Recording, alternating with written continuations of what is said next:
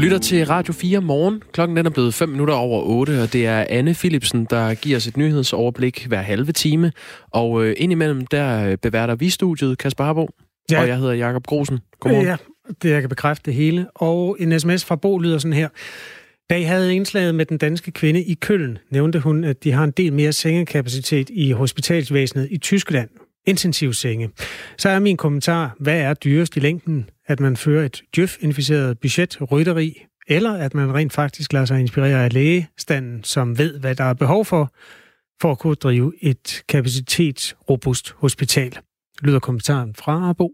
Ja, tak for sms'en, Bo. Det uh, kunne vi jo gøre. Uh, lige om lidt kan vi sige uh, godmorgen til Lars Østergaard, som er professor i uh, infektionssygdomme og overlæge på uh, Aarhus Universitetshospital. Det kan være, det er ham, der er med her. Lars Østergaard, godmorgen. Mm, nej, det er... Der er ikke rigtig nogen, der Der er nogen, der holder i tomgang. Lad os håbe, det ikke er på Fanø.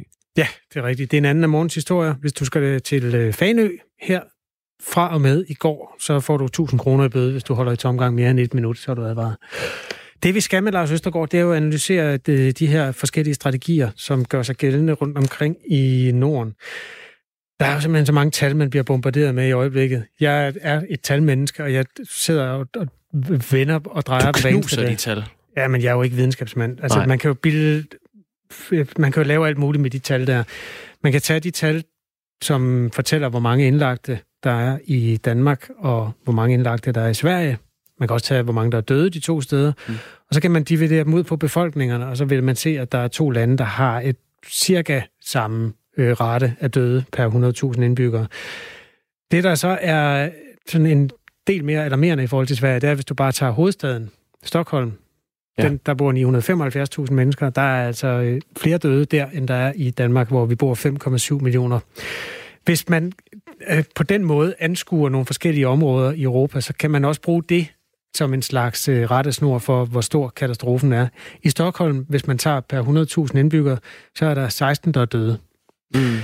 Øh, regionen Madrid, ja. omkring Spaniens hovedstad, der er 58, der er døde per 100.000 indbyggere. Og det område i Europa, der er værst ramt, det er, som mange nok har opdaget, Lombardiet, hvor den største by hedder Milano, altså i Norditalien.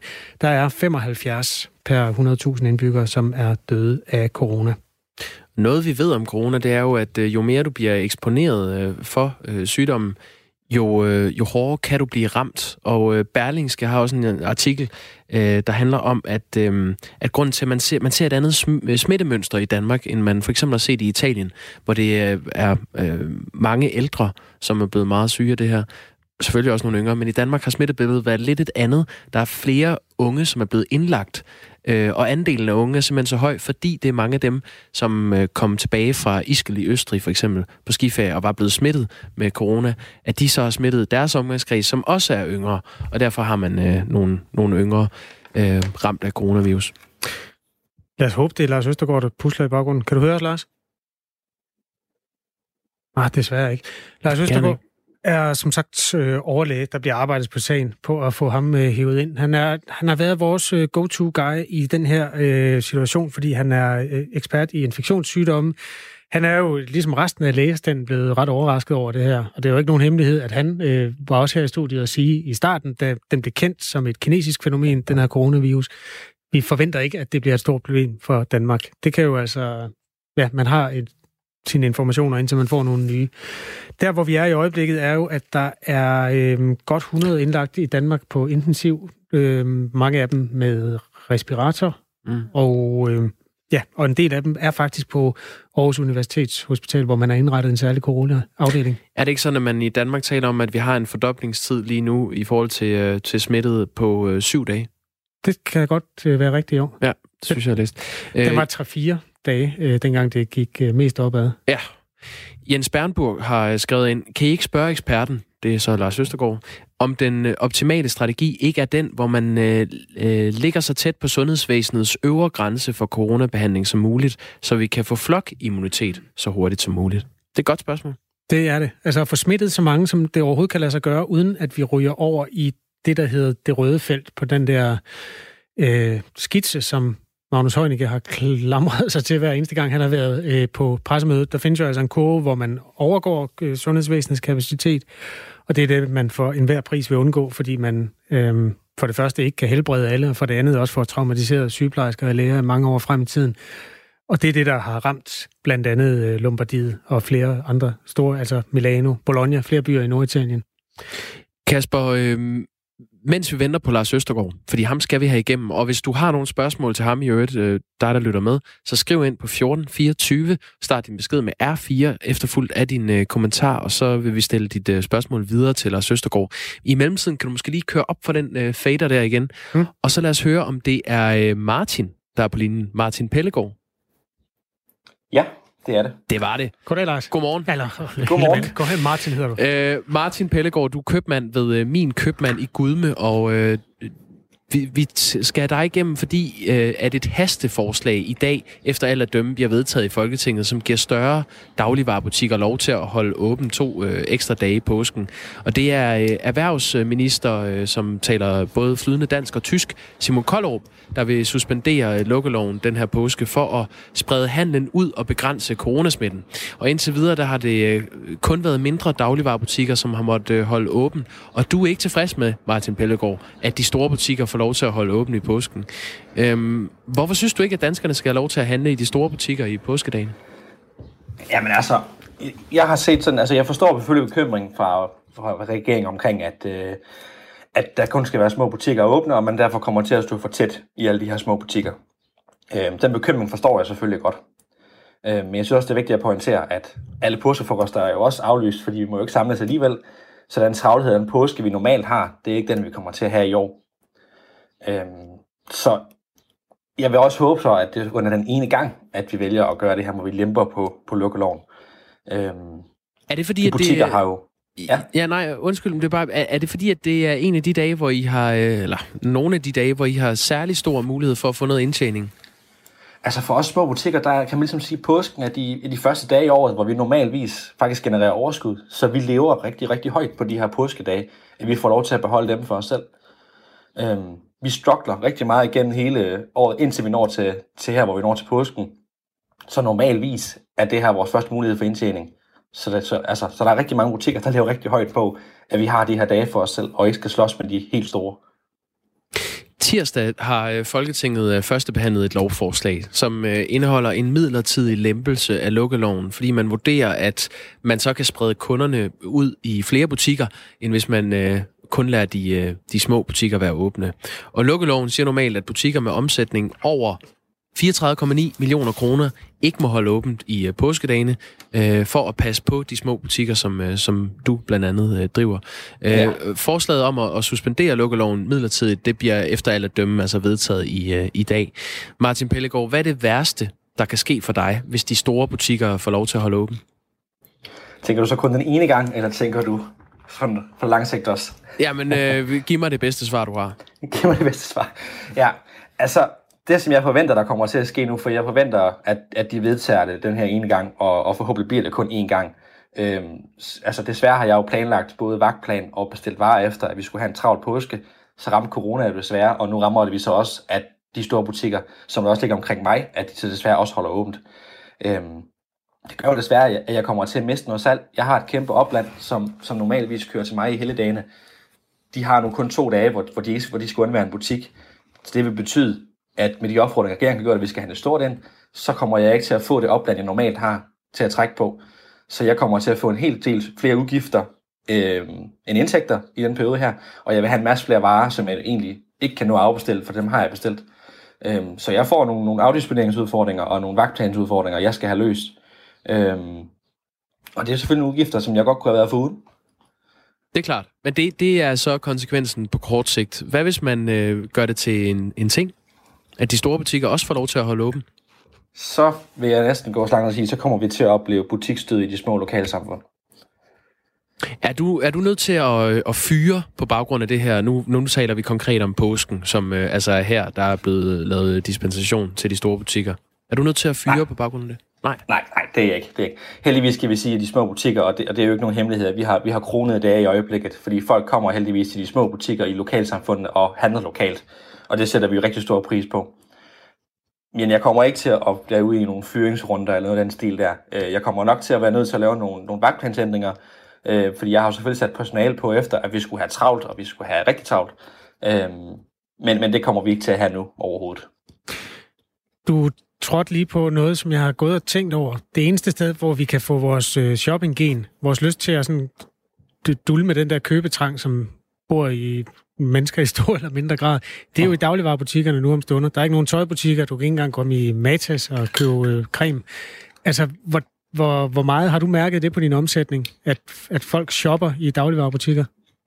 Altså, sige, i min butik, der har jeg ikke rigtig mærket så meget til den her hamstringsdel, der har været sagt så meget om. Nej, det var ikke øh, hamstring. Har... Det var ikke så meget den, det var mere den der med, at man, det eneste sted, hvor du rent faktisk kan gå og hygge dig med at købe ind, det er jo i dagligvarerbutikker nu om stunder. Altså om, ja. om du sælger lidt mere, øh, lidt flere øh, luksusting? Jeg vil ikke sige, at jeg sælger for luksusting, men jeg sælger måske flere ting, som, som får folk til at... Altså, der var mange, der har købt bageting, som man har haft noget at lave sammen med børnene derhjemme. Øhm, så på den måde har jeg haft et, et, et, et forhøjet salg af, af, af, af madvarer og ting og sager, man, man kunne underholde sig selv med derhjemme. Øhm, ja. men, men det kan vi jo også kalde luksusting, selvfølgelig. Jeg, jeg tror måske, øh, Kasper Harbo, at du glemmer, at der er noget, der hedder internet. Online-handel. Ja, det havde jeg da lige glemt. Jeg ja, der kan man også hygge sig. Jeg er 48 år gammel. okay, boomer. Nej, vi har fået en sms her. Øhm, ej, hør nu lige her, Radio 4. Vi andre går ned i løn og bliver fyret på grund af corona. Hvad er det her for noget tuderi? Øh, Martin Pellegård, den sender vi lige videre til dig. Altså, hvorfor skal I små butikker ikke også holde lidt for øh, i den her situation? Så, altså, så, så kan vi sprede øh, kunderne ud, og så er der også nogen, der kan købe i de store butikker. Hvorfor er det egentlig et problem? Det er ikke et problem i år, kan man sige. Så længe at man holder fast i, at det kun er den her ene gang. Det er jo der, vores helt store bekymring af de små butikker ligger. Øh, det er jo, når først man begynder at lempe på de her lovgivninger, at man så, at der er nogle af, de store koncerner, som får, som får blod på, på, på tanden til at sige, men hvorfor skal vi så ikke bare gøre det som en fast regel, og så opfordre til det. Derfor er det rigtig, rigtig vigtigt, at det kun bliver den her ene gang, fordi vi er jo helt med på, at der, den årsag til, at vi gør det for, det er for at sprede det ud, sådan så at man har mest mulig chance for at handle i en butik, hvor der ikke er så mange mennesker, hvis vi alle sammen holder åbent. Så på den måde er det jo helt, helt i orden. Øhm, og så har vi selvfølgelig udgifter, det medbærer på det. Men på lang sigt, hvis det bliver en, en fast regel, så er det bare et kæmpe problem for os små butikker, som så holder liv i de små lokalsamfund, og vi vil så ikke kunne overleve på sigt. Det sagde Martin Pellegaard, øh, købmand i Gudme. Tak fordi du var med her. Selv tak. Og god påske. Jo, tak alligevel. Tak. Klokken er 18 minutter over 8. Godmorgen, Lars Østergaard. Ja, godmorgen. Kan godmorgen. I høre mig? Ja, nu kan vi sagtens høre dig. Loud and clear. Det er godt. Øhm, og tak fordi vi må låne dig med i din garanteret uh, travle hverdag. Er du på arbejde på Aarhus Universitetshospital? Jeg er på arbejde, ja. Godt. Øh, du dumper ind i et program, hvor vi har sat fokus på, hvordan øh, Danmarks nabolande håndterer coronakrisen. De danske restriktive øh, regler i forhold til nedlukning af samfundet kender de fleste efterhånden. Øhm, men vi har jo så prøvet at kigge på, hvordan man gør andre steder. Øh, Finderne er nok dem, der er gået længst for at begrænse smittespredningen. Her har man nemlig spærret hele hovedstadsområdet inde, og skolerne er lukket ind til midten af maj, fortalte Palle Stævn, som har boet i Finland i 15 år. Det, man var bange for, det var, at man øh, rent faktisk fik øh, smitten flyttet meget hurtigt rundt i Finland ud til udstederne, hvis man kan sige det på den måde. Ja, det får tage et af de steder, hvor man går stramt til værks. Øhm, hvad er dit indtryk af det, man gør helt op på i Finland, Lars Østergaard? Jamen, øh, jeg synes jo, at øh, der sker mange forskellige ting, at der er mange måder at håndtere udfordringen på, og i bund og grund, så ved vi jo faktisk ikke, hvad der er den rigtige. Øh, der er nogle ting, vi kan se, der nok ikke har været de rigtige. Altså den måde, man øh, har håndteret det på i Kina, hvor man ikke var forberedt på, at det skulle komme. Øh, den øh, måde, man har håndteret det på i Italien, hvor man ikke havde forberedt sundhedsvæsen på, at det kunne komme. Og nu synes jeg, at vi har nogle forskellige øh, scenarier, øh, blandt andet i Skandinavien, hvor man øh, må sige, at vi ved jo ikke, hvad det, hvad det rigtige faktisk er. Vi har grebet lidt forskelligt an.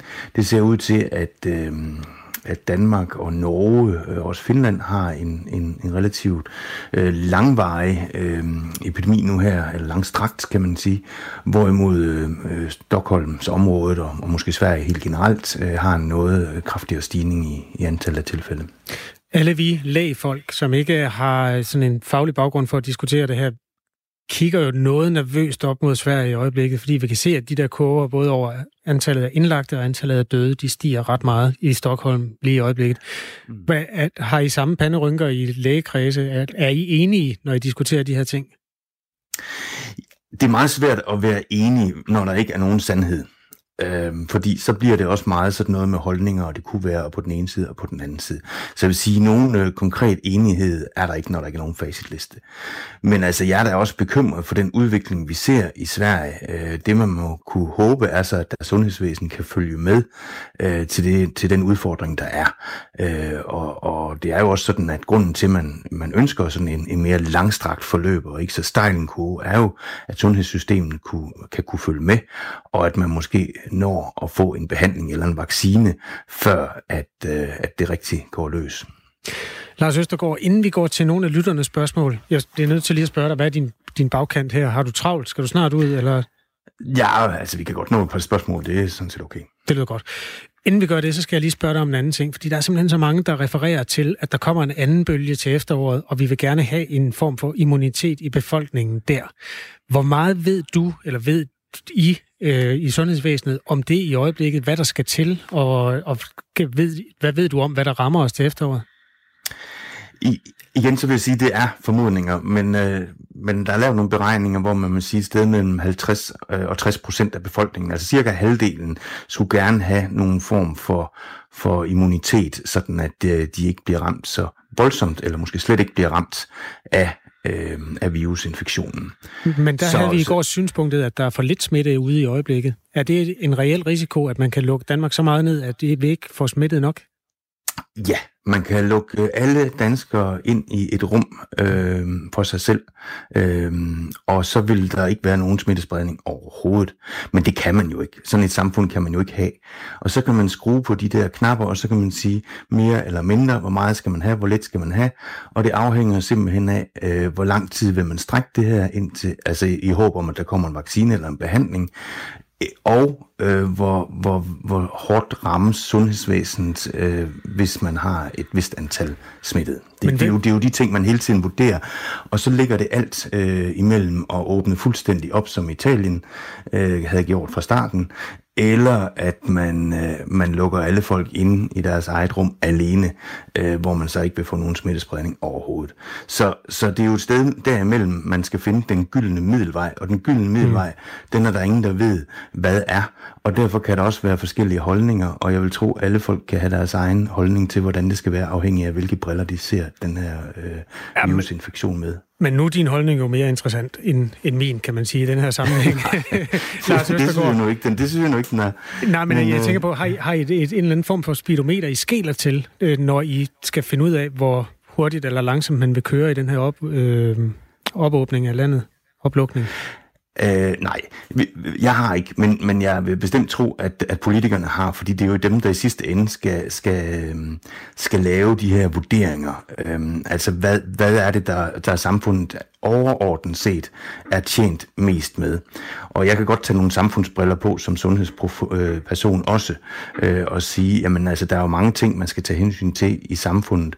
Øh, og, og sådan et samfund, som vi har her, det, det kan ikke lukkes ned, indtil vi har en vaccine eller en behandling om måske et halvt eller et helt år. Det er jo urealistisk. Så står vi med nogle helt andre problemstillinger, øh, både socialt og økonomisk, og, men jo også sundhedsmæssigt, fordi så vil der jo være folk, der ikke får, øh, får deres, øh, den behandling, de ellers skulle have haft nu her på, på, en, på en venteliste måske, ikke? Øh, eller der vil opstå nogle, måske nogle psykiske problemer og sådan noget ved at være isoleret. Så, så, så, så, så det bliver en lang snak om, om måske ikke ret meget, men, men det går jo lange, det er, at, at der er ikke nogen sandhed. Det er en gylden middelvej, og de eneste, der kan finde ud af, hvor meget man skal skrue op og skrue ned, det er nogle politikere, der tager alle øh, hensyn ind og til en vurdering. Men Lars Østergaard, som det er lige nu, er, er smitteretten så omkring, øh, hvad, hvad skal vi skyde på, 500-600 om dagen? Er det, lyder det det passer nok, det passer nok meget godt, ja. Og hvis vi så skal have en flokimmunitet, altså omkring 50-60 procent af befolkningen, der skal være smittet, det kan jo tage op mod, øh, med hurtig hovedregning, 15 år. Det kan det godt. Øh, men der er jo ingen, der ved, øh, hvor meget vi ligesom, øh, hvor hurtigt det skal, det skal gå, og hvad er værdien af en flokimmunitet. Og hvis vi skal sådan gå helt i detaljer, så ved vi jo faktisk heller ikke rigtigt, om det, at vi bliver smittet, om det nu giver sådan en, en sikker immunitet, som også kan give en flokimmunitet. Så der er stadigvæk rigtig mange visser i det her. Men jeg vil tro, at, at politikerne de sidder og vurderer, skal man måske lukke op øh, for nogle ting, nogle aktiviteter, så vi får en lidt større øh, smittespredning i, i samfundet. Men man må også sige, lige så snart vi får en, en smittespredning, der er større, så vil vi også få flere, der bliver syge, og også flere, der bliver alvorligt syge, og også flere, der mister livet. Så det er jo de afvejninger, man skal gøre hele tiden. Der er en sms fra en lytter, der skriver, vi hører kun om døde, men hvis du er smittet af corona, men dør af for eksempel hjertesag eller kræft imens, tæller det som coronadød, selvom det ikke er coronaens skyld. Øh, Nej, Hvorfor? det gør det ikke. Øh, fordi at det ikke er coronaens skyld, og man tæller som regel døde øh, årsager som det, der har forårsaget døden. Okay.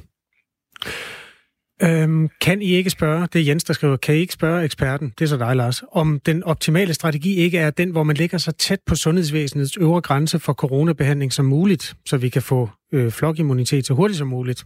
Altså det, vi hører om, er jo, at der ikke er så mange, der er indlagt, som der kunne være i øjeblikket. Ja, jeg tror også, det er lidt forskelligt spredt øh, rundt omkring i landet. Øhm, og, og, og, og, og der er jo en pointe i det. Altså, skal man, skal man øge, øhm, øh, hvad skal man sige, skal man øge antallet af smittede, antallet af indlagte, antallet af svært syge og antallet af, af dem, der mister livet, øhm, ved at, at lukke op. Øhm, og det igen, som jeg sagde før, det er en hårfin balance.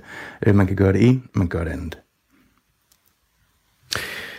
Øh, et helt andet spørgsmål. Formanden for øh, intensivlægerne i Dansk Selskab for Anæstesiologi og Intensiv Medicin, han hedder Joachim Hoffmann Petersen. Han har udtalt i Berlingske, at her og nu ser det udmærket ud med kapaciteten, men afdelingerne kan komme under pres, hvis man lukker op for tidligt.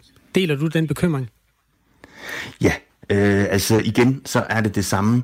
Øh, vi, vi, man ved jo ikke præcis, hvad der sker, hvis man drejer på de forskellige knapper.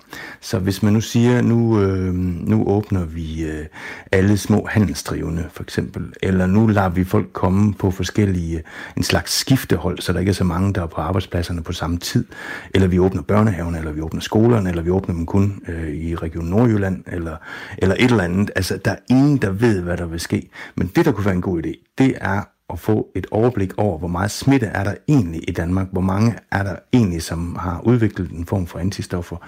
Øhm, og det kan man jo så efterhånden begynde at måle i løbet af i hvert fald nok de næste uger. Øhm, og, og så derefter følge meget nøje, øh, hvad er det egentlig, der sker, hvis man gør det ene eller det andet. Men, men der, er, der er simpelthen, man kan simpelthen ikke sige præcis, hvad der er det rigtige at gøre, fordi der er mange hensyn at tage, og vi ved faktisk heller ikke, hvad effekten er af at skrue på de der knapper. Men vi skal undersøge det nøje, og vi skal træffe så fornuftige beslutninger, som vi overhovedet kan, øh, med et, et øh, overordnet sigte på samfundets tag, vil jeg sige. Lars Østergaard, du har været med i det her game i mange år. Du har været formand for AIDS-fondet. Du har været øh, altså involveret i... Jeg, jeg tror også, jeg har talt med dig om Ebola på et tidspunkt. Kan det ikke passe? Mm. Altså, du har haft jo. med alle de her store ting at gøre. Hvor ligger ja. det her på skalaen over øh, sådan, øh, videnskabsarbejde, øh, der skal laves? Altså store opgaver, der skal løses? I, i forhold til det, hvad du har prøvet i din karriere? Ja, men det her, det vil jeg sige, det overgår alt. Altså, øh, jeg, jeg, jeg har aldrig stået i noget lignende, øh, og jeg har heller aldrig forestillet mig, at jeg skulle komme til at stå i noget lignende.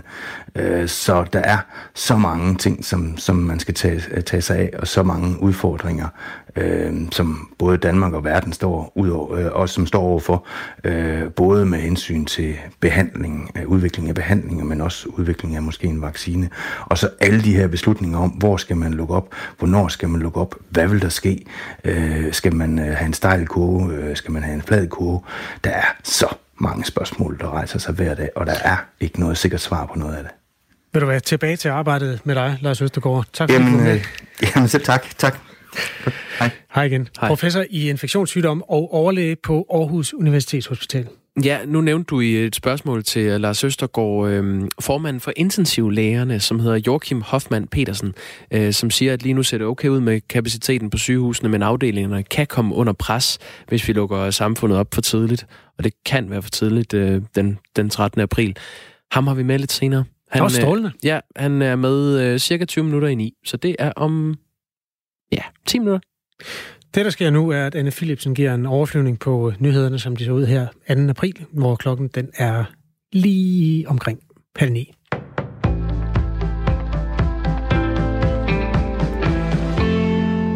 Det er er en fatal fejl, når Danmark og andre europæiske lande råder personer med milde symptomer på coronavirus til at isolere sig i eget hjem, for faren for at smitte sin nærmeste er alt for stor. Så lyder kritikken fra eksperter fra Verdenssundhedsorganisationen WHO. Det skriver politikken i dag. Professor på det nationale Universitetshospital i Singapore, Dale Fisher, er formand for et ekspertnetværk, der rådgiver WHO om globale sygdomsudbrud. Og han ser isolation af de syge for det vigtigste tiltag til at bekæmpe coronasmitte. Men på trods af kritikken fra WHO, så mener Statens Serum Institut, at det er unødvendigt at flytte coronasmittede ud af hjemmet. Under danske forhold er selvisolation i hjemmet af mange årsager at foretrække. Vi har i epidemiplanen mulighed for at etablere både fælles karantæne- og isolationsfaciliteter, men det anbefaler Sundhedsstyrelsen ikke i stort omfang på grund af smitterisiko og af psykologiske og sociale årsager. Så lyder det fra Statens Serum Instituts faglige direktør, Kåre Mølbak i en mail til politikken. Kåre Mølbak er ikke den eneste, der mener, at isolation uden for hjemmet er unødvendigt. Der er flere danske forskere, der taler imod generelt at isolere de syge andre steder end derhjemme, skriver politikken. Der er varslet en langsom genåbning af landet efter påske, hvis danskerne ellers overholder myndighedernes anvisninger. Men for landets børnehaver og vuggestuer, der er det ikke realistisk at åbne på én gang allerede efter påske. Så lyder det fra flere organisationer i dag. Peter Grevsen er formand for Daginstitutionernes Landsorganisation, og han forudser en lang række dilemmaer. Der er nemlig både pædagogiske og sundhedsmæssige hensyn at tage, når børnene skal i gang igen, siger han. Det er jo børns tryghed også, og hvordan de får en indkøring langsomt kørt op over der, hvordan er fændende situation. Kan de komme på arbejde, og kan de ikke, og, og hvad med deres søskende og så videre. Det vil tage meget tid, og vi kan ikke bare åbne fuldstændig efter påske, hvis det bliver aktuelt. Stille og roligt kan man begynde at samle personalegrupper og finde en løsning på det. De politiske drøftelser om genåbningen af daginstitutioner er i gang lige nu. Og Elisa Rimbler, der er formand for pædagogernes fagforening BOPL, sidder med ved drøftelserne. Hun tvivler også på, at man bare sådan uden videre kan åbne daginstitutionerne igen. Et er selvfølgelig, at, øh, at vi skal se, at tallene går den rigtige vej. Det er, det er jo sundhedsmyndighederne, der bestemmer det. Noget andet er, at, øh, at der jo smitten vil jo stadigvæk være øh, i samfundet, og det betyder jo også, at når der skal lukkes op, så skal det jo ske gradvist og øh, kontrolleret. Vi skal selvfølgelig vide først og fremmest, hvilke børn er det, på hvilke tidspunkter, øh, der, der skal komme i blandt andet daginstitutioner, men lige så meget skoler og fritidsinstitutioner. Øhm, og der har vi brug for, at der bliver, nu vi også har noget tid, der bliver helt klare øh, sundhedsfaglige retningslinjer for, hvordan at det skal foregå. Et seks uger gammelt spædbarn er død med coronavirus i USA. Det er ifølge Reuters det yngste offer for viruset på verdensplan. Connecticuts guvernør Ned Lamont kalder det for en tragisk milepæl. Det er en påmindelse om, at ingen er i sikkerhed for viruset, siger han. Størstedelen af offrene for coronaviruset har været ældre personer. Især Italien og Spanien har været hårdt ramt, fordi landene har høje gennemsnitsalder, det skriver nyhedsbyrået AFP. I de seneste par uger, der er der dog også blevet registreret flere dødsfald blandt unge, som forskere ellers tidligere har troet havde for stærke immunforsvar til at dø af viruset.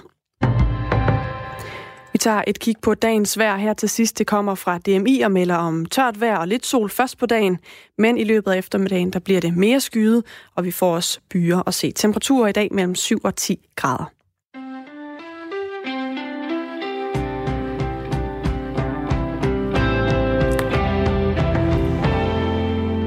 Du har tændt for Radio 4 morgen på et eller andet tidspunkt, og tak for det. Klokken er 8.34. Jeg hedder Kasper Harbo. Ved siden af mig sidder Jakob Grosen. Det har du ret i. Øh, vi skal kigge mod USA. Vi har set ud over øh, de danske grænser øh, her til morgen. Vi har både været i Finland, vi har været i Norge, vi har været i Tyskland, vi har talt om Sverige, øh, og nu skal vi altså tale om USA, som er det land i verden med flest coronasmittede. Kina, hvor øh, virusen startede, er det land, der har fjerde flest. Men Donald Trump, han mener, der er pyntet på de kinesiske tal.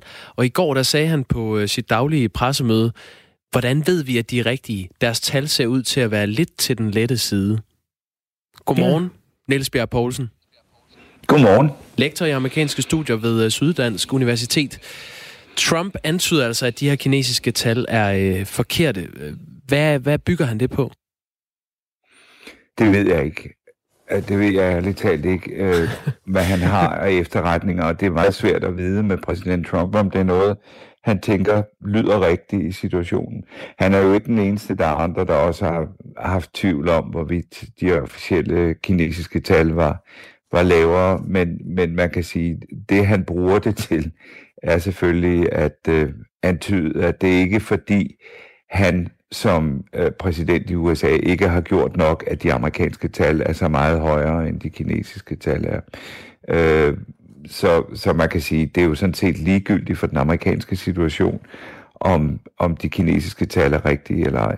Mm, men, uh. Det han umiddelbart ville kunne sammenligne med måske var, at USA havde sit første tilfælde, sin første person øh, med corona 19. januar. Det var samme dag, som Sydkorea havde sin første. Så mange har jo sammenlignet, øh, hvad man har foretaget sig i Sydkorea, med hvad man har foretaget sig i, i USA, nærmere bestemt, hvad Trump-regeringen gjorde i, i lang tid inden øh, præsidenten her i sidste uge øh, skiftede fuldstændig og, og, og erkendte, at der skulle stramme tiltag til. Der er også en øh, republikansk senator, som har været ude og støtte Trump i det her. Han siger, at, øh, at øh, opgørelserne fra Beijing er propaganda, som er lige til skraldespanden. At øh, det er en falsk øh, præmis, at USA har flere dødsfald øh, fra coronavirus end Kina.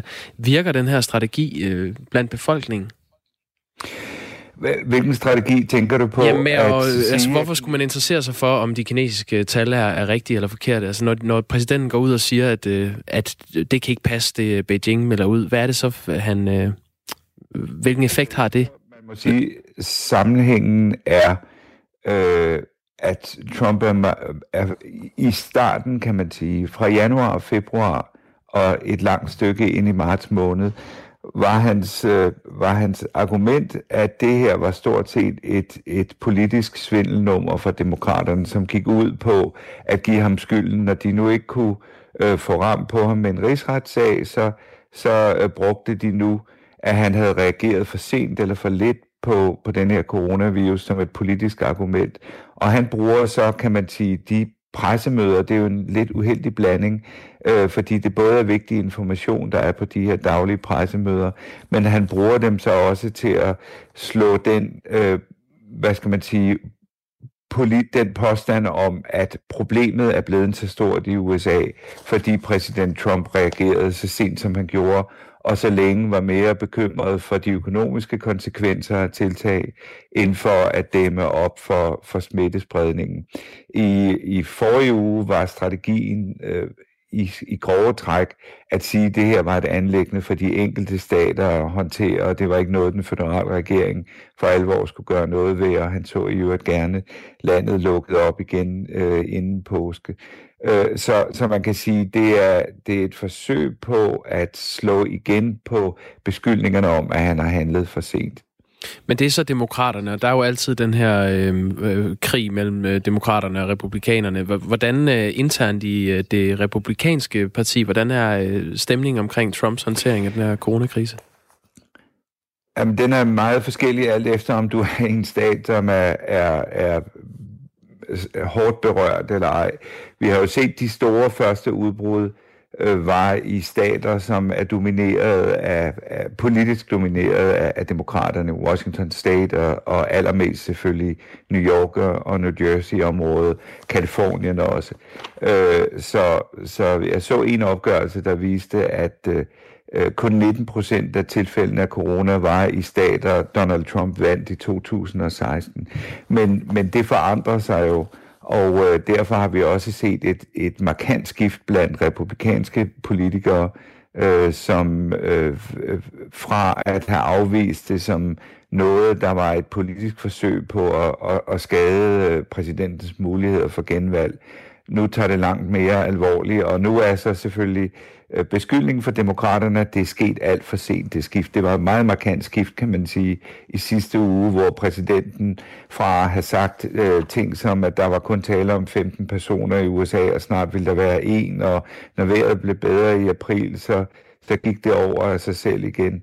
øh, til det, øh, den erkendelse, han øh, Øh, endelig traf i sidste uge, hvor han, hvor han altså fulgte sine medicinske rådgivere, Dr. Fauci og andre, snarere end sine økonomiske rådgivere, og erkendte, at det her kom til at koste mange amerikanske liv, og hvis det var, hvis man var heldig, og det er jo et underligt ord at bruge i den sammenhæng, så kommer det til at koste øh, mellem 100 og 200.000 amerikanske øh, indbyggere livet.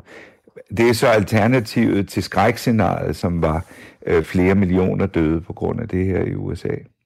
Internettet er jo et øh, forunderligt sted, og man skal ikke træde meget ved siden af, før man bliver det, man kalder et meme i dag. Øh, jeg har bare set flere gange, at, øh, at de her billeder af Trumps pressemøder er blevet til memes i forhold til de danske pressemøder, hvor der er langt mellem Mette Frederiksen og Magnus Heunicke, og hvem der ellers er med på de der pressemøder ja. i Danmark. Og så i USA, hvor Trump står helt tæt flankeret af en masse øh, herrer i jakkesæt. Øh, hvor, hvor tæt står de nu, når de holder øh, øh, møde? Det, det, det ved jeg ikke, men det har, været, det har været påfaldende også, at Trump ved flere pressemøder insisterede på at give øh, hånd til de folk, som, som kommer op. Altså, jeg, jeg tror, man må sige, at præsidenten nu har forstået øh, alvoren og omfanget af det her på en måde, han ikke havde tidligere. Og, og det må man alt andet lige øh, påskynde, at øh, at øh, det ser ud til nu, øh, baseret på tidligere erfaringer, kan man sige, når først det rykker i USA, så er der en forhåbning om, at der også for alvor kommer gang. Vi har set, at der, der er skruet voldsomt op for testningen eksempelvis. Øh, og, og derfor går meget af diskussionen nu på, om det, snarere end om, om det er for sent, eller hvor, hvor meget man kan begrænse skaderne nu. Men jeg tror, man må sige, at, at præsidenten har lagt en anderledes kurs, end hvad han gjorde bare for en uge siden. Niels Bjerg Poulsen, øh, lektor i amerikanske studier ved øh, Syddansk Universitet. Vi taler med dig, fordi øh, Donald Trump har været ude at sige, at der må være pyntet på de kinesiske tal. Øh, de ser da også påfaldende anderledes ud, end de amerikanske tal gør for, øh, for smittede og døde og raskmeldte fra coronavirus. Og når vi siger, at USA er det land i verden med flest coronasmittede, så er det også fordi, de tester et stort omfang. Der er jo et kæmpe mørketal, som, øh, som kan være svært at, at sige noget konkret om lige nu. Øh, lige her til sidst, der er præsidentvalg i øh, november. Øh, kan den her krise komme til at betyde noget øh, for, om, om Trump vinder eller taber? Jeg tror helt sikkert, at den betyder noget, øh, men det er meget, meget svært, tror jeg, for nogen at beregne præcis, hvordan. Hvis vi ser på den demokratiske side, så har du en, en øh, præsidentkandidat, formoder vi, Joe Biden, som ikke kan føre valgkamp, og som øh, øh, stort set er i en, i en bunker i sin, i sin kælder og må sende meddelelser ud derfra. Han har heller ikke fået øh, endeligt afsluttet øh, sagen med sin modkandidat Bernie Sanders. Bernie Sanders har ikke trukket sig, så, så man kan sige, at demokraterne er i høj grad ramt af de manglende muligheder, og omvendt har præsidenten selvfølgelig i sådan en krisesituation en mulighed for at være Øh, Øh, præsidentiel, uanset hvad man så mener om, hvordan han har håndteret det, så har vi set, at han også i meningsmålingerne faktisk er gået frem de sidste øh, uger, trods al denne her kritik. Så der er spørgsmålet mere, hvor meget er han gået frem, og hvor længe holder det. Vi har tidligere set øh, i krisesituationer, øh, 9-11 for eksempel i 2001, hvor øh, præsident Bushes meningsmålinger gik fra 50-51 procent hele vejen op til nogle af 80 procent. Simpelthen bare som en reaktion på en trussel udefra. Og det er muligt, at det selvfølgelig også øh, er til præsidentens fordel. Men der er lang vej til november, kan man sige, og det er også et spørgsmål om, hvad folk, hvordan folk forventer, at denne her krise vil udvikle sig, om hvordan Donald Trumps ansvar, eller, eller både for, for det gode og det dårlige, bliver udmålt ved valget i november. Kan, kan du lige sætte 10 ord på, hvorfor Joe Biden han sidder i en bunker i sin kælder? Altså, øh, for det første, fordi man ikke kan føre øh, øh, de der store valgmøder mere, og det har man respekteret, men, men det har også ledt noget opmærksomhed hen på, at alle kandidaterne er oppe i en vis alder. Joe Biden er 78, øh, Bernie Sanders samme alder. Øh, så, så den omstændighed, at han også er, er sårbar, øh, har også gjort, at man har valgt simpelthen at holde ham hjemme og så forsøgt at at, at sende meddelelser ud og lave tv-taler fra et, et studie i, i, hans, øh, i hans hjem. Men, men man kan sige, det er jo sådan set også et problem for præsident Trump, der hele vejen gennem sit præsidentembede har holdt de her store valgmøder, er det vel nærmest, selvom han ikke var på valg, øh, med masser af mennesker, masser af tilhængere. Det har været ligesom drivkraften der, han fik øh, sin politiske energi, og nu har han så henvist i en eller anden forstand til at bruge de her pressemøder om corona til både at informere, men som også, også gør det til en slags valgmøder, hvor der er eksperter, der lovpriser ham for øh, det arbejde, han har gjort, eller hvor han selv taler om sine ratings, eller øh, alt det, han har gjort. Så, så man kan sige, det rammer sådan set begge kandidater, og det er uvist, hvem det her kommer til at ramme hårdest. Politisk er det jo præsidenten, der har ansvaret, kan man sige, for håndteringen. Det er det, og det er det så længe. Øh, Niels Bjerg Poulsen, lektor i amerikanske studier ved Syddansk Universitet. Tak for den her udlægning. Selv tak. Klokken er 8.46, og vi diskuterer lige nu øh, blandt andet, hvordan vi kan få verden til at løbe rundt igen. Hvornår er det, verden åbner sådan for alvor? Hvis man kigger ud i begivenhedskalenderen, så kan man se, at der er en del store begivenheder, der sådan er blevet skubbet. For eksempel, ja, eller aflyst. Wimbledon, den kæmpe store, mest prestigefulde øh, tennisturnering af dem alle sammen, ja. skulle have været afviklet 27. juni til 4. Nej, 29. juni til et stykke ind i juli. Den er aflyst. Mm. Det kan være et vink med en vognstang, uden jeg overhovedet ved noget som helst om det. Men altså Roskilde, den starter jo stort set samtidig. Roskilde Festival. Det er det, den gør. Og der er Northside Festival, og der er Tinderbox Festival herhjemme. Ja. Sådan nogle store events. Nordic øh. Darts Masters, når vi nu er ved de helt store Nej, ting. Nej, ikke også den. Den er ikke aflyst, den er flyttet. Det, Nå, er, det skulle have været spillet i Forum midt i juni, så det kunne man godt se, det vil ikke lykkes. Den er flyttet til oktober. Fallon Sherrock kommer til Danmark. Så... Jeg kan sige, at øh, jeg ved, Eric Clapton skulle have spillet i Royal Arena. Det havde jeg givet mine forældre billet til. Udskudt. Et år. Jeg okay. håber, at Eric Clapton han, øh, holder sig kørende til 2021. Jamen, øh, det gør han det, altså, når man tænker på, hvad han har overlevet i sine unge dage. Det altså, skal du ret i. Corona, den skal 14 dage i karantæne, hvis den hopper på Clapton. Øh, folkemødet på Bornholm bliver også diskuteret, om det skal aflyses. Det ja. er den 14. juni, så vidt jeg husker. UEFA har aflyst en masse landskampe, og i øvrigt skubbet to slutrunder, som skulle have udspillet sig i, til næste sommer. 2021, der skulle have været EM for kvinder, og der skulle have været EM for U21-landshold. Det er flyttet til 22, og det er jo fordi, vi har flyttet to kæmpe store sportsbegivenheder, nemlig EM i fodbold og OL. Hmm til 2021. Det er en kæmpe kabale, der skal gå op lige nu. Tirsdag fortalte Mette Frederiksen, at man efter påske vil begynde en gradvis genåbning af Danmark. Men den genåbning vækker bekymring på intensivafdelingerne. Og øh, derfor skal vi tale med Joachim Hoffmann Petersen. Godmorgen.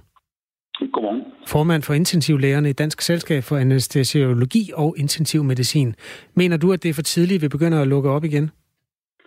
Ja, det er i hvert fald for tidligt, og det er lidt tidligt at begynde at, at sælge skinnet. Børnene at bjørnen er altså ikke rigtig skudt endnu. Øhm, på de intensive afdelinger, der opererer vi stadigvæk med, øh, altså der planlægger vi stadigvæk efter, at vi kan håndtere et, et italiensk scenarie. Det kan godt være, at der er en del, der tyder på, at det nok ikke bliver så slemt alligevel, men, men jeg synes, det er for tidligt at konkludere det. Hvad ved du om, hvad, eller ja, det lyder flabet at spørge på den måde, men hvad ved I egentlig om, hvor mange der er syge lige nu? Fordi der er jo ikke blevet testet mere end, altså under 10.000 i Danmark fald, der er jo et meget stort mørketal. Man kan sige, at mørketallet er jo for sundhedsvæsenet øh, knap så vigtigt, fordi de jo i og med de mørketal, så bliver de ikke indlagt. Men øh, så, så det, dem, vi bekymrer os mest om, det er jo, det er jo dem, der havner på, intensiv, på, på sygehusene, især dem, der bliver over på intensiv afdeling. Det er dem, der ligesom er de største udfordringer for os. Men der er ingen tvivl om, at der er masser af smittet ude i samfundet, som ikke er, som ikke er blevet testet. Hvad er det, du frygter, der kan ske, når landet åbner igen? Jamen, man skal være, når, når landet bliver genåbnet, og selvfølgelig det skal, det skal det jo, og det glæder vi os alle sammen til, og i bund og grund er det jo positivt, at vi kan begynde at få en lille smule til at holde på den her diskussion. Men, men, men vi skal være meget forsigtige med, hvordan vi gør det. I, i Hongkong øh, åbnede man måske lige en tand for tidligt op, og der så man, at, at så kom der en, en ny epidemi. Øh, coronavirus er jo ikke forsvundet fra samfundet, selvom man lukker samfundet op igen. Øh, den øh, skal vi jo formentlig øh, kæmpe med noget tid endnu. Du er jo så øh, altså formand for intensivlægerne, som er dem, der virkelig står med hånden på kogepladen, når eller hvis det, det kommer til at ske. Og Italien er det store skræmmebillede der. Øhm, jeg går ud fra, at du også har fulgt den krise sådan, øh, så godt du nu kunne. Ved du noget om, hvordan det går dernede? Er det stadig et, et sundhedsvæsen, der er brændt sammen? Øh, så vidt jeg har orienteret, så ja, de er stadigvæk yderst udfordret, øh, og de er stadigvæk enormt mange patienter. Man kan sige, nu er det knap, nu er det jo bredt sig til hele Italien, ikke kun Norditalien. Øh, og så er billedet jo lidt mere øh, altid. Nogle steder går det egentlig okay, og andre steder er det jo øh, ligesom i, i Norditalien. Øh, men, men Spanien, Spanien er jo det store skræmme eksempel lige nu. Altså. Øh, der er det ved at gå helt galt. Hvad ved det, det, det, det, det ser ud som om det ender med at blive endnu værre i Italien. Altså antallet af øh. døde, eller fordi at den måde sundhedsvæsenet ja. bliver lagt på? Jamen præcis, begge, begge dele er både antallet af døde, antallet af smittede og, og betydningen for samfundet. Øh, så, så, så Europa er bestemt ikke ude af coronakrisen endnu. Øh, men, og det vil også sige, når, når vi skal lukke samfundet op, så skal det gøres utroligt øh, klogt og med stor eftertanke. Man skal, man skal virkelig vælge, øh, hvad for nogle steder man vil åbne først. Øh, og så er der nogle steder, der bare bliver med at være lukket. Øh, formentlig relativt lang tid. Og, og der skal man virkelig være omhyggelig. Vi havde, øh, altså der er jo flere, der har svært ved at forstå, at man skal blive ved med at have et samfund, der er dæmpet så meget, når der ikke er særlig mange patienter på de afdelinger, som, altså i hvert fald ikke på alle afdelingerne. I går talte vi med en lokal politiker fra Haderslev. Øh, han sidder i byrådet for Liberale Alliance, og han synes egentlig, vi skal bare se at komme ud i sommerlandet med at få, også at få spredt lidt smitte, som efter hans oplysninger var der nærmest ikke nogen i nærheden af ham, der var smittet. Øh, og nu er han også fra en del af, den del af Danmark, hvor der er ret få, der er smittet. Øh, i, I Københavns område der er der markant flere, der er smittet. Men kan der øh, være en pointe i, at man skal have noget smitte ud og, og arbejde? Altså, der er jo nogle præske, der bliver ekstremt syge af det her. Øh, så, så, så det er jo, man, man kan godt vælge den strategi, men det vil få nogle konsekvenser for nogen. Grunden, grunden til, at vi på intensiv er en lille smule forsigtige med vores udmeldinger, det er, det er jo, at vi reelt er fire uger bagud Øh, fra, hvis vi forestillede os, at man ophørte med al smitte i morgen, øh, bare med et, med et mirakel, øh, så vil dem, der blev smittet i går eller i dag, de vil så først om nu begynde at blive få symptomer, så vil der gå en uge ekstra, før de bliver, nogle, nogle få af dem bliver så kritisk syge, de havner på intensiv, og så går der et par uger, før de er kommet ud af respiratoren på intensiv. Så man kan sige, at kapaciteten på intensiv, den er sådan lidt et billede af, hvad der foregik for fire uger siden. Så, så, så man kan sige, øh, det, det er bestemt ikke sikkert, at vi har set toppen endnu. Lige nu ser det ud, som om det er fladt ud på intensiv, og det er rigtig, rigtig dejligt. Men, men det er et udtryk for smittespredningen for, for et par uger, for to til fire uger siden, øh, den nuværende intensiv kapacitet. Så, så derfor så øh, det bliver lidt kompliceret, når man skal åbne op, og man skal virkelig gøre det omhyggeligt. Og der, og der bliver helt sikkert nogle steder, der skal, der skal være lukket ned i lang tid. Når der kommer de daglige opdateringer fra Sundhedsstyrelsen, så fremgår der, at der er nogen, der ligger på intensivafdelingen, og så er der et andet tal, som også bliver offentliggjort, som er, hvor mange der ligger i respirator, og det er næsten ja. alle sammen. Kan du fortælle noget om, hvad, hvad er det situationen er for de mennesker, som kommer dertil? Altså, hvor, hvorfor, hvordan er den alvorlige sygdom, sådan, hvis man skal beskrive den mere detaljeret? Jamen, øh, dem, der får øh, coronavirus, i, øh, i, øh, de får en, en virus lungebetændelse, som, som påvirker lungerne øh, rigtig, rigtig meget, øh, og det ødelægger iltudvekslingen i lungerne. Det vil sige, at patienterne ikke længere kan, kan få ilt over i blodet i tilstrækkelig omfang. De fejler egentlig ikke så meget andet i deres krop. Deres kredsløb er egentlig ikke særlig udfordret, og, øh, og vi har ikke så mange, der nogen har nyresvigt og sådan noget. Det, det er ikke ligesom en almindelig blodsforgiftning. Det rammer meget, meget specifikt i lungerne. Og, og det vil sige, så en del af dem må vi jo så lægge i respirator, og vi har jo ikke nogen specifik behandling, andet end at vi må vente på, at kroppen nedkæmper øh, den der irritationstilstand, der kommer i lungerne, og det tager, det tager et par uger. Hvordan? Og for nogen tager det, tager det markant længere tid. Øh, Joachim Hoffmann Petersen, hvordan er vejen tilbage, hvis man først har, øh, har ligget i øh, respirator, og man så øh, er i bedring? Altså, hvordan øh, er ens øh, øh, helbred efterfølgende? Jamen, øh, det, det kan godt tage noget tid at komme ud af respiratoren. Øh, øh, det kan være sådan, at man er i respirator nogle timer om dagen, og så er man øh, et antal timer om dagen uden for respiratoren. Så laver man sådan en gradvis aftrapning. Men, men, men altså, de, de problemer, der opstår bagefter, så vi ved ikke så meget om, hvad for en lungeskade de, de kommer øh, videre med, øh, og, og hvor permanent den lungeskade er. Der er ikke så mange patienter, der har haft, haft det her i, i månedsvis. Øh, så så det, det, det er noget, de vi ikke helt ved endnu. Men der er ganske givet nogle af dem, der kommer derfra med lungeskader. Og så nu ved vi jo, at når man tager raske mennesker og lægger dem fladt på ryggen i en seng, så går det meget, meget, meget hurtigt med, at musklerne de svinder ind. Øhm, så, så når man har ligget et par uger på intensivafdelingen, så har man meget, meget få muskler tilbage. Øh, og det er noget, man skal have genoptrænet bagefter ved hjælp af fysioterapeuter osv. så.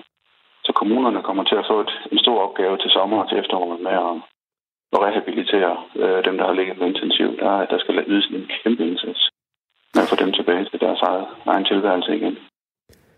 For første gang i en måned, så gik øh, et af tallene den rigtige vej i går, da, da, da det blev offentliggjort, at der var 129, der var i respirator. Det var to færre end dagen for inden. Hvad, hvad tænkte ja. du, da du hørte det tal? Jo, men alt, hvad der ikke er udtryk for en eksponentiel stigning, det er jeg glad for. Altså den her eksplosion i antal tilfælde. Øh, om det er to, to flere eller to mindre, det, er, det kan man ikke konkludere noget som helst fra. Men, men, men så længe vi ikke ser de her eksplosive stigninger, som vi har gjort i, i Italien og i, i, i Spanien, så, så er jeg sådan set meget godt tilfreds. Der er også mange, der vender blikket mod Sverige, når man diskuterer sundhedsstrategier i øjeblikket. Har du nogen ja. kontakt til svenske kolleger? Fordi der er jo altså omkring den svenske hovedstad rigtig mange, der bliver indlagt. Ja, det er der nemlig. Øh, altså, de har jo stadigvæk øh, en, en nogenlunde kapacitet, og de har de samme, haft de samme problemer med værnemidler, som vi har. Øh, I virkeligheden, så det, man har gjort mellem Danmark og Sverige, det er jo et vanvittigt interessant øh, forsøg. Øh, og en gang om flere år, når historiebøgerne skal skrives, så bliver det jo sindssygt interessant at se på, hvilket land, der, der gjorde det mest, håndterede det mest korrekt. Om det er at lukke meget ned, eller lukke lidt mindre ned. Så på en eller anden men, måde... Men det er jo noget, man først skal se om flere år. Det er så lang tid, før man kan svare på det. Men det er godt, sådan i forhold til det historiske, at man har nogle forskellige strategier, når den tid kommer, at man kan kigge tilbage på? De, alt hvad der kommer af epidemier og pandemier de næste 100 år, der vil man helt sikkert kigge på, de, på Danmark, Norge og Sverige og se, hvordan de har håndteret krisen, og så prøve at sammenligne og, og, og vurdere ud fra det. Jeg tror nu mest på den danske strategi, men, men, men øh, jeg er da også så videnskabeligt åbensindet, at jeg, at jeg glæder mig til at se nogle videnskabelige undersøgelser på det. Hvornår skal vi sende børnene i skole igen, hvis det står til dig, Joachim Hoffmann Petersen? Det er et meget, meget godt spørgsmål, og jeg tror, jeg tror man, igen, man skal lave noget gradueret øh, åbning. For eksempel så kan man sige, at det er det vigtigt, at de store børn øh, går i skole? Nej, de kan sådan set godt klare sig, at det fungerer rimelig med hjemmeundervisning. Hvad med de små børn? De kommer til at åbne op lidt før. Øh, måske kan man åbne op, så det er halve klasser om formiddagen, og den anden halvdel af klassen om eftermiddagen. Så må de lave lektier derhjemme osv. osv., osv. Jeg tror kun, at det er fantasien, der sætter grænser. Men, men det er vigtigt at få lukket, at, at smittekæderne ikke bliver for store dagplejer for eksempel, der har du så fire børn. Det er jo fint at åbne. Det er jo en lille bitte smittekæde, hvis der er nogen, der bliver smittet, så længe de bare holder sig fra legegrupperne. Hvorimod en vuggestue med, med 50 børn, jamen der kan det jo coronavirus smitte lynhurtigt hjem til en vuggestue. Man skal, man skal ned og kigge i detaljen, og så skal man være, være meget øh, omhyggelig med, hvad man åbner op hvornår. Det sagde Joachim Hoffmann Petersen, der er formand for intensivlægerne i Dansk Selskab for Anestesiologi og Intensiv Medicin. Tak fordi du var med. Lige præcis. Det var slet. Ja, det var sidste gang, jeg skulle sige det i dag. Gudskelov. Ja, Kasper, vi kan lige nå, der er et par minutter tilbage af Radio 4 morgen den her morgen. Vi har været i USA, Finland, øh, Tyskland, øh, Norge her til morgen. Vi kan lige ret blikket mod øh, Storbritannien, hvor situationen også er mere end alvorlig. Det seneste døgn er 563 øh, døde af corona, øh, corona-relaterede dødsfald i, øh, i Storbritannien. Men det, jeg vil øh, fokusere på her, det er den lidt, øh, lidt mere opmuntrende del af medaljen. Det er, hvad får britterne tiden til at gå med. Og øh, de hører musik, og de hører blandt andet øh, den her, meget mere end de plejer. Hakuna Matata. What a wonderful phrase. Hakuna Matata. Ain't no passing craze. It means no worries for the rest of your days. It's our problem-free.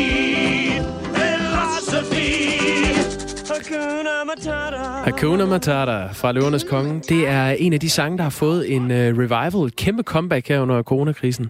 Er det ikke lidt opmuntrende på en eller anden måde? Det, jo, det fortæller meget om os mennesker. Det er, Hvem er det, der synger den? Øh, det er Timon og Pumba, øh, karaktererne fra Løvernes Kong. Jeg, jeg, De er jo ikke hvem... rigtige dyr, for himlens skyld. Nej, hvem, du spørger, hvem skuespillerne er? Ja. Ja. Øh, det har jeg simpelthen ikke researchet på. Men... Sorry. Nå, men øh, det, jeg ved det, fordi der er kommet en ny hitliste fra Official Charts øh, Company, som øh, viser de 100 sange, hvis popularitet er vokset mest hos britterne her under øh, coronakrisen. Og øh, det, hvad er det for nogle sange, der er blevet mest streamet? Øh, der er også en, en sang fra uh, The Police, Don't Stand So Close To Me. Det er meget sådan uh, sang. det er sådan en til en sang. Ja, ja. ja. Og, uh, og jeg synes bare, vi skal slutte på... Uh, altså, den har jo Don't Stand So Close To Me. Den har fået 70% flere afstemninger. Eller afspilninger uh, på, uh, på streamingtjenester. Og den skal God vi ikke høre, det er et røvsygt nummer. Nej, vi skal til gengæld høre Queen. Ja, tak. Og det skal vi, fordi øh, det er en af de klassikere, som britterne igen og igen vender tilbage til. Der var Brexit, men vi er ud af EU, i want to break free. Nu er den der igen. Nu vil man bare gerne lidt ud. Ah, det er lige nu et halvt minut.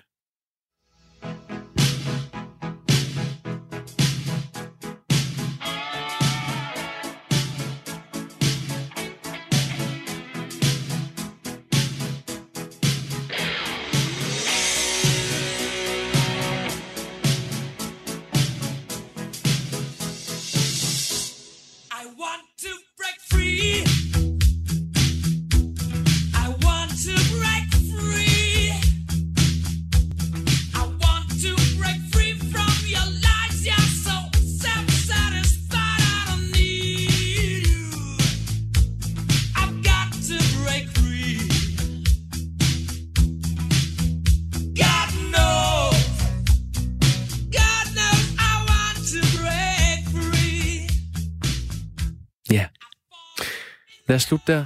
Længe leve Queen, og tak fordi du har hørt Radio 4 morgen. Det er sådan, at øh, er det, ikke, det er Camilla, der har været. Camilla, du er klar med hjemmetid lige efter nyhederne, som kommer til dig nu.